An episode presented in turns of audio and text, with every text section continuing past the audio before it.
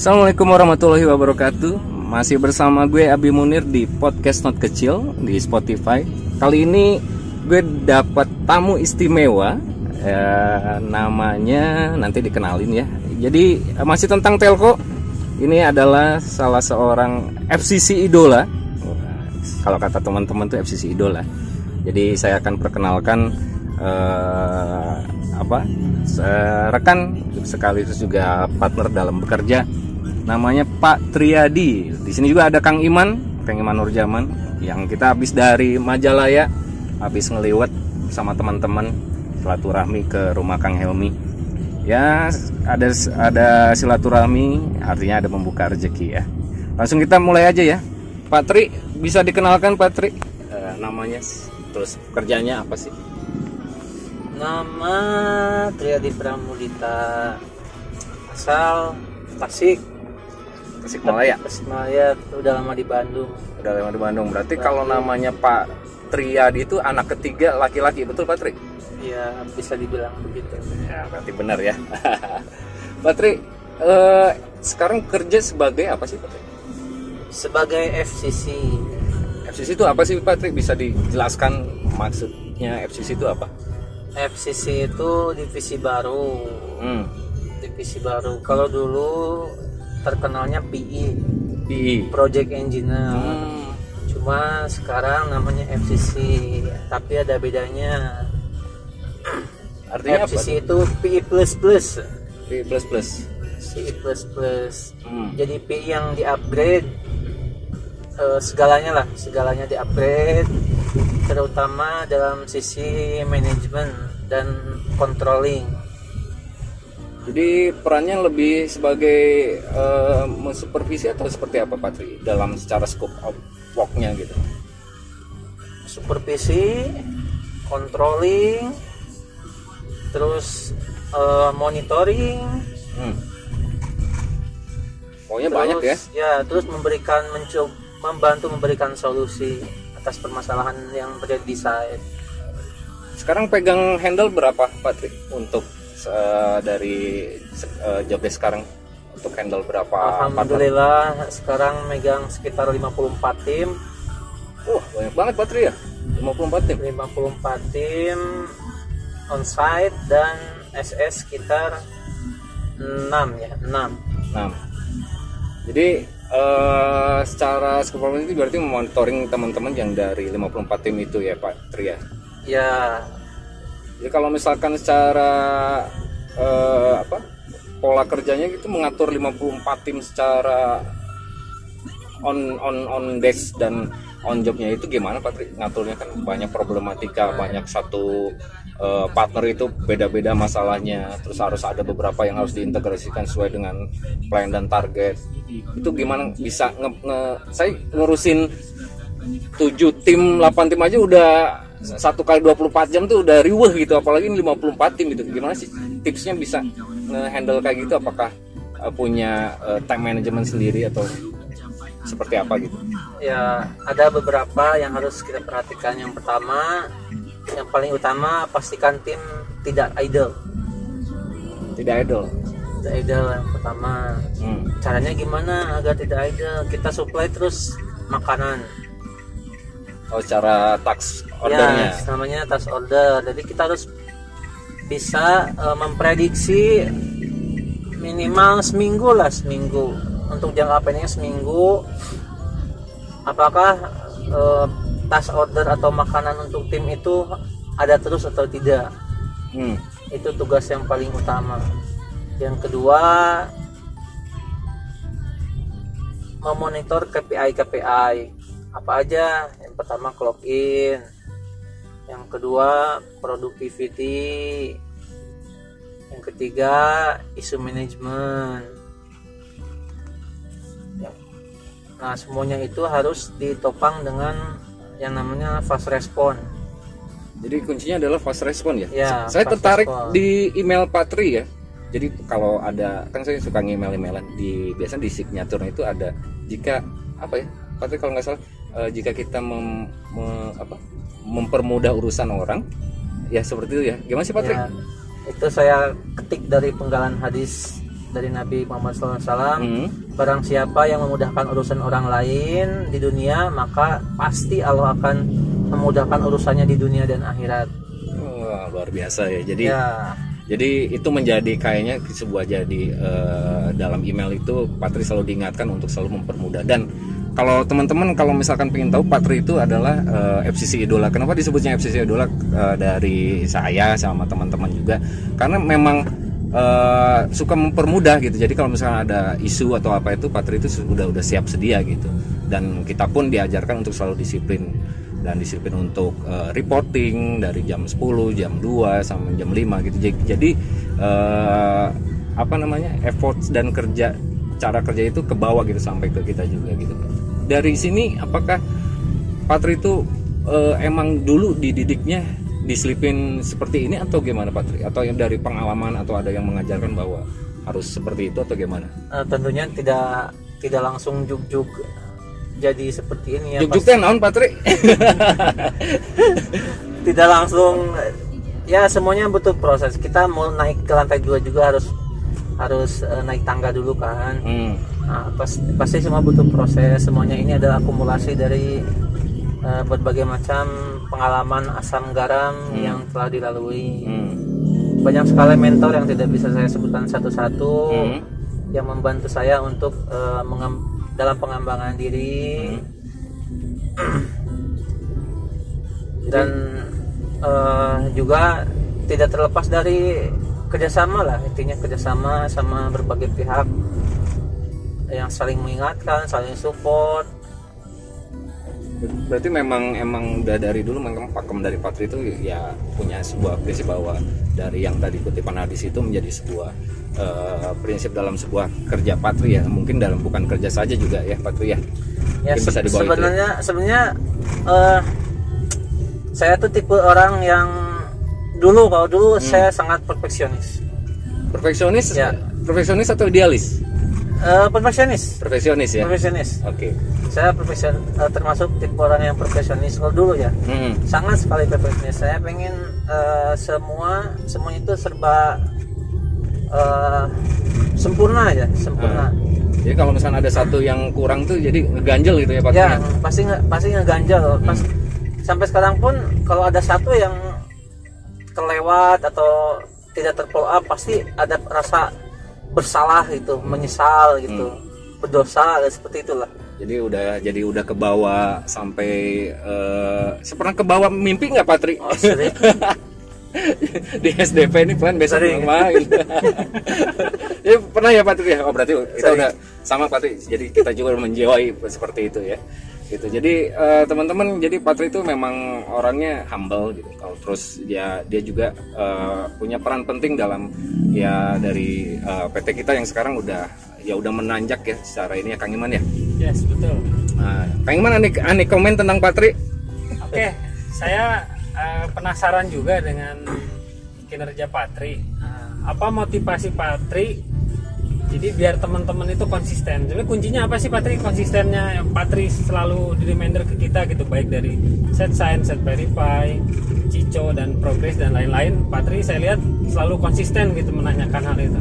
Apa yang membuat Patri tidak tidak cepet capek lah gitu, mengingatkan kita untuk masalah itu gitu. yang pertama amanah amanah amanah itu apa ketika kita diberikan eh, kepercayaan maka kita harus bisa menjaga kepercayaan itu jangan sampai ternodai Berarti balik lagi ke agama ya. Berarti kuncinya semua ya ada di kuncinya agama ya. tidak bisa dilepaskan dari spiritual yang kedua tanggung jawab tanggung jawab sebesar apa sebesar atau sekecil apa pun tanggung jawab harus kita eh, pikul dan kerjakan sebaik-baiknya Kalau saya sih kadang konsisten, tapi kadang saya juga kan lupa. Wajar kan manusia. Nah, tapi kalau saya lihat Patri ini jarang lupa loh Patri. Selalu aja mengingatkan kita gitu. kadang no, no, no kayak saya entas lupa bulan-bulan gitu iya ayah kan kenapa Patri apal gitu Nah, gitu itu maksud saya kenapa dia selalu konsisten apakah gitu ya, ya? apakah punya memori tersendiri gitu ya? Gimana tuh Patri? Bisa seperti itu? Nggak tahu. Apa emang dulu pernah ngikut eh, apa training atau eh, atau pernah diajarkan atau emang memang dari dulu suka menghafal atau seperti apa kok ingatannya tuh eh, ini ya maksudnya dalam artian eh, selalu ingat gitu. Walaupun itu yang udah pending berapa bulan lalu kok padahal kita udah lupa gitu kayak udah isu itu gitu. Kok bisa gitu? Apakah dari Eh, sebenarnya sih dicatat. Oh, semua isu saya suka mencatat. Hmm, jadi jadi tipe, tipe pekerja di dunia seperti itu jadi banyak orang yang nanya gitu. Hmm, banyak banyak pertanyaan yang sama. Hmm, orang A sam- orang satu sampai orang lima nanya nya sama dalam satu hari. Hmm. nah biasanya untuk mengantisipasi itu saya suka menulis semua isu. Jadi ketika ada pertanyaan ya langsung dijawab gampang gitu. Atau bisa kalau di Excel tinggal di look up gitu. Oh, jadi Nggak udah susah. punya database tersendiri ya? Ya saya punya database sendiri gitu. Jadi custom ya database eh, made in Ya. Patri ya? custom. Custom ya. Keren, na- keren, keren. Nanti saya minta lah datanya. Oke, Patri, saya tertarik dengan status WhatsApp Patri ya. Ini kita ber kalau tadi kan tentang kerjaan Patri. Nah, sekarang Mana? tentang ya kan kita berteman nih. Sekarang juga ada update status. Kalau saya kan update statusnya tentang cinta nih Patri. Kalau Patri kan tentang eh, sesuatu yang eh, global ya. Jadi eh, saya lupa-lupa ingat, tapi eh, yang saya ingat tuh adalah dunia telekomunikasi banyak pekerja nanti di luar suatu saat ba- bakal banyak dibutuhkan lah seperti itu. Mas, eh, kalau nggak salah di minggu kemarin gitu. Jadi menurut Patrik di dunia telekomunikasi sekarang ini apakah memang menjadi sebuah mata pencaharian atau eh, maksudnya buat buat generasi yang di belakang eh yang di depan nanti apakah telekomunikasi itu bisa menjadi sebuah mata pencaharian yang eh, menjadi sebuah cita-cita atau menjadi sebuah eh, kebanggaan seperti itu atau seperti apa gitu dari pandangan Patri terkait tentang telekomunikasi ya? terkait telekomunikasi sendiri Hmm. kalau melihat melihat tren 10 tahun ke belakang Hmm. itu sangat besar sangat sangat sangat sekali besar Hmm. Mungkin zaman dulu operator hanya bisa dihitung ya sih Hmm. dihitung satu yang pertama kali satu yang besar Hmm. plat eh, plat pemerintah Ya. makin sini dengan adanya undang-undang atau peraturan pemerintah maka dimudahkan untuk eh, munculnya beberapa pem- pemain yang baru Hmm. saya rasa untuk eh, sekitar 10 tahun ke depan juga akan akan eh, hal akan terjadi hal yang sama Hmm.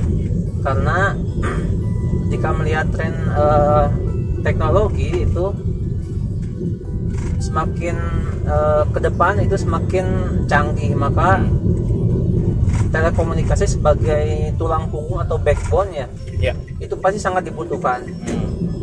Jadi udah menjadi sebuah bukan jadi sebuah ini ya udah jadi sebuah kebutuhan ya. Jadi sebuah bukan kalau dulu kan empat sehat lima sempurna ya sekarang empat sehat lima ya itu apa namanya empat sehat lima untuk sebuah sebuah sinyal itu sama komunikasi sangat penting banget gitu ya. ya seperti jalan aja jalan Hmm. kalau dulu mungkin cuma dua lajur kiri atau Hmm. kanan tapi seiring dengan bertambahnya perumahan ber- Betul. bertambahnya mobil kendaraan maka terjadi pelebaran jalan seperti itu telekomunikasi Hmm. yang dulunya dua lajur bisa jadi empat bisa enam bisa delapan pasti akan dibutuhkan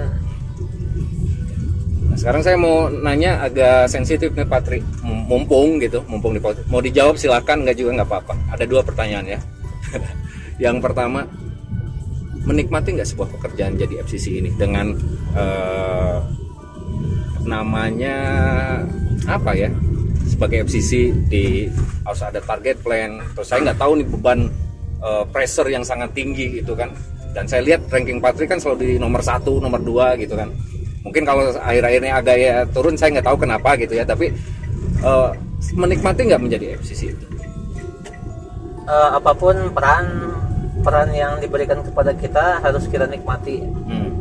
harus kita nikmati. Kadang-kadang ketika kita mengeluh Hmm. maka lihatlah eh, kepada orang yang lebih susah daripada kita harus selalu seperti itu jadi jangan selalu ngeliat ke atas ya Pak ya ya mungkin mungkin kita ngerasa bahwa kita yang paling capek yang Hmm. paling kerja keras hmm. tapi kalau kita lihat eh, ke orang yang lebih eh, lebih menderita ya Hmm. lebih lebih menderita daripada kita ternyata banyak sekali maka eh, solusinya ya nikmati saja semua peran itu kerjakan dengan sebaik-baiknya Hmm. dengan penuh eh, tanggung jawab. Jadi lebih mensyukuri ya Patri ya secara itunya. Iya. Oh. Terus yang kedua Patri, pernah nggak istri komplain? Sering, Sering. sering istri anak sering komplain. Tapi eh, berikan saja penjelasan, Hmm. eh, berikan eh, apa ya pengertian bahwa eh, semuanya akan kembali kepada mereka sendiri gitu. Oh, jadi ini memang membuat tujuannya sebagai buat untuk keluarga juga ya, Ya. Patri ya.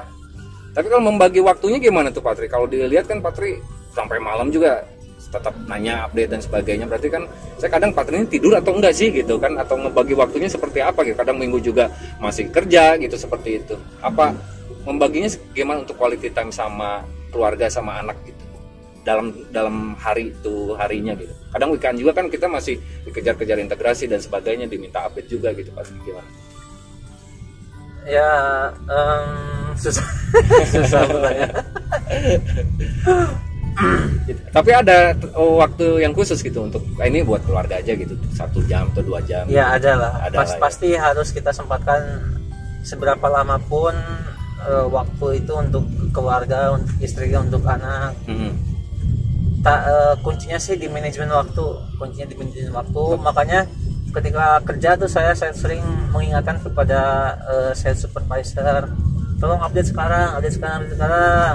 Ah, biar biar mereka juga punya waktu untuk beristirahat, untuk eh, quality time. Jadi kuncinya itu di cut off. Oh, jadi lebih, Nah, apa pun pekerjaannya cut off, Mhm. kecuali untuk hal tertentu ya hal Hmm. yang tertentu yang bersifat urgent tapi kan tidak sempat tidak pasti tidak semua urgent itu harus di cut off. Untuk eh, ya tujuannya seperti itu untuk memberikan eh, lebih istirahat. Mungkin yang tadinya depan laptop terus tapi jadi bisa sambil tiduran sambil pegang HP gitu kan. Itu sebenarnya luma- lumayan cukup untuk eh, apa memulihkan kondisi gitu kondisi dari penat gitu. Jadi intinya adalah time management dan harus punya cut off. Ya gitu. Jadi semakin cepat kita menyelesaikan sebuah eh, lebih early, maka kita punya spend waktu buat keluarga. Ya betul, itu kuncinya itu cepat cepat mulai pasti cepat selesai. Itu Cepat itu, mulai dan itu cepat pasti selesai. itu keniscayaan. Cepat mulai pasti cepat selesai. Dan notabene ini Patri juga adalah eh, saya punya teman namanya Kang Ucup, Kang Ucup Maulana ternyata kenal juga sama Patri. Nah, kata Kang Ucup adalah Patri itu adalah presidennya kosan katanya. Di situ tuh katanya ada dewan suro, terus ada dewan legislatif, tapi presidennya tetap Patri. Itu ceritain dong Patri, saya penasaran nih. Presiden itu apa sih? Pak? Eh, Maksudnya apa ketua kayak ketua dalam satu himpunan kosan itu sendiri atau gimana? Saya dapat infonya langsung ya. Ini bukan hoax ya dari Kang Ucup langsung ini. Enggak ceritanya gini dulu eh, waktu kuliah di ST Telkom Hmm. Eh, kami bersama tujuh orang dalam satu kontrakan. Hmm. satu kontrakan. Eh dulu eh, jadi dalam biasa dalam syariat Islam kita di, diperintahkan untuk memilih pemimpin dalam suatu perkumpulan itu ternyata eh, semua aklamasi menunjuk saya nggak tahu saya juga kenapa dipilih Eh, cuma mereka pengen ya cuma biar tidak terlalu serius itu tidak dengan nama ketua atau Ah. kepala maka cari nama yang lain namanya presiden gitu Oh, presiden. ya. presiden kota karena itu sebenarnya lucu-lucuan aja Oh, lucu-lucuan aja Jadi lebih ke dituakan lah mungkin ya Patri ya. Kurang lebih seperti itu ya, maksudnya dijadikan sebuah eh, pimpinan gitu ya. Kalau misalnya ada apa-apa kayak gitu. Ya nggak juga gitu Batu celocan aja ya. Oke Kang Iman ada pertanyaan tentang ke Patri? Mungkin satu dua pertanyaan sebelum kita tutup. Eh, paling saya satu lagi nanya kan tadi eh, saya ngerangkum ya dari pembicaraan ini Patri ini selalu melibatkan eh, keagamaan dalam kehidupan baik eh, di pekerjaan kita yang super sibuk gitu jadi pedomannya utama yang Patri pegang itu selain tadi yang eh, mempermudah urusan teman-teman terus eh, amanah. Itu sebenarnya awalnya apa sih yang membuat Patri eh, istilahnya jadi pegangan kuat bahwa itu bisa dilakukan di pekerjaan kita sehari-hari? Eh, mungkin beberapa orang lah atau kaum apa ya kaum liberalis ingin memisahkan agama dari pekerjaan. Kalau bahasa global mah ingin mem- memisahkan agama dari pemerintahan gitu loh. Ya oke. Ternyata setelah eh, saya dalami dalami dalami dalami ternyata justru kalau kita memisahkan agama dari kehidupan sehari-hari maka eh, ada impact eh, efek efek yang sangat yang sangat besar yang akan dirasakan. Contohnya apa tuh? Contohnya stres manajemen stres. Nah, mungkin kita pernah mendengar bahwa di Jepang banyak eh, karena ter- terlalu workaholic jadi banyak orang yang bunuh dirinya begitu begitu pula di negara-negara maju yang lainnya. Nah, ketika kita melibatkan agama dalam pekerjaan kita, maka ketika kita menghadapi stres, penat, maka di situlah eh, spiritual itu akan akan berjalan sendiri itu untuk menormalkan eh, kondisi kita ke kondisi normal. Itu sangat ya. menstabilkan sangat cepat itu. Sangat cepat. Apalagi di agama saya ada sholat lima waktu dalam sehari semalam. Nah itu sangat sangat menenteramkan eh, ketika kita menghadapi kondisi penat Keren nih kita dapat ilmu baru nih nih Eh, eh. jadi eh, ternyata setelah dirangkum betul sekali Kang Iman. Jadi eh, saya ternyata tahu kunci dari eh, Patri bisa menjadi FCC idola adalah dari sebuah prinsip yang bahwa sebuah pekerjaan adalah amanah itu satu. Terus yang kedua adalah mempermudah urusan berarti kita bakal dipermudah juga. Yang ketiga adalah menyatakan eh, agama gitu dari sholat lima waktu ternyata bisa membuat kita nggak stres gitu kan. Terkadang kita stres saat di pressure sana sini saat kita mem, apa, mengembalikan lagi kepada sang holik jadi kita untuk dinetralkan kembali seperti itu. Nah satu pertanyaan terakhir Patri kenapa roll out sama ini saya ingin tahu aja dari sisi kacamata Patri ya Eh, netral jawabannya. Kenapa roll out sama MS itu selalu bertentangan? Why? Dan kalau dari Patri apa sih sagesnya biar padahal kita ini eh, satu saling membutuhkan ya tapi eh, maksudnya kenapa selalu bertentangan? Terus eh, apakah ada solusi tersendiri sih? Seperti itu. Eh, sebenarnya kalau kita gali itu gali lebih dalam lagi sebenarnya RO sama MS itu saling membutuhkan sebenarnya. Betul. Kenapa roll out itu ada project itu Hmm. sebenarnya itu akumulasi dari komplain MS hmm. contoh IUB drop yes ya misalkan conges hmm. nah roll out dapat project itu dari report itu Hmm. dari dari IUB drop dari conges seperti itu makanya keluarlah project itu nah project itu yang dilakukan oleh rollout itu ya untuk untuk mensolvikan problem yang dieskalasikan itu sama MS Hmm. Cuma dalam praktek eh, pengerjaannya kita tahu kan ada ada milestone yang cukup panjang ya untuk untuk dari dari mulai kita sel- start roll out sampai kita handover. Nah mungkin ada ada proses-proses yang eh, bisa dibilang ditabrak atau atau miskomunikasi lah dalam proses seperti itu. Namun menurut saya sih sebenarnya bisa dikompromikan hal itu masih di- bisa dikompromikan. Entah di level atas atau entah di level bawah. Ya intinya eh, ru- ubahlah dari saling mempersulit ke saling mempermudah itu. Biar urusan kita juga nanti Iya. mudah ya. Ya betul. Setuju setuju Patri Jadi intinya adalah lebih dikomunikasikan bahwa kita itu saling membutuhkan gitu kan. Ada roll out, ada MS. Ada MS pasti ada roll out. Begitu ya Patri ya. ya Oke Patri, se- saya persilakan Patri untuk satu atau quote atau ada kata pesan-pesan buat teman-teman SS atau teman-teman tim di lapangan atau mungkin eh, teman-teman yang sekarang lagi kuliah atau lagi sekolah yang pingin eh, join ke terima Eh, bagi Patri silahkan eh, sepatah dua patah kata untuk eh, quote dari Patri untuk kerja di Telkomsel itu seperti apa? Eh, untuk rekan-rekan eh, seprofesi di mana pun anda berada eh, jika ingin mendalami dunia telco maka eh, lakukanlah dengan sebaik-baiknya. Gali ilmu sedalam-dalamnya. Kemudian eh, jalanilah profesi ini dengan penuh tanggung jawab.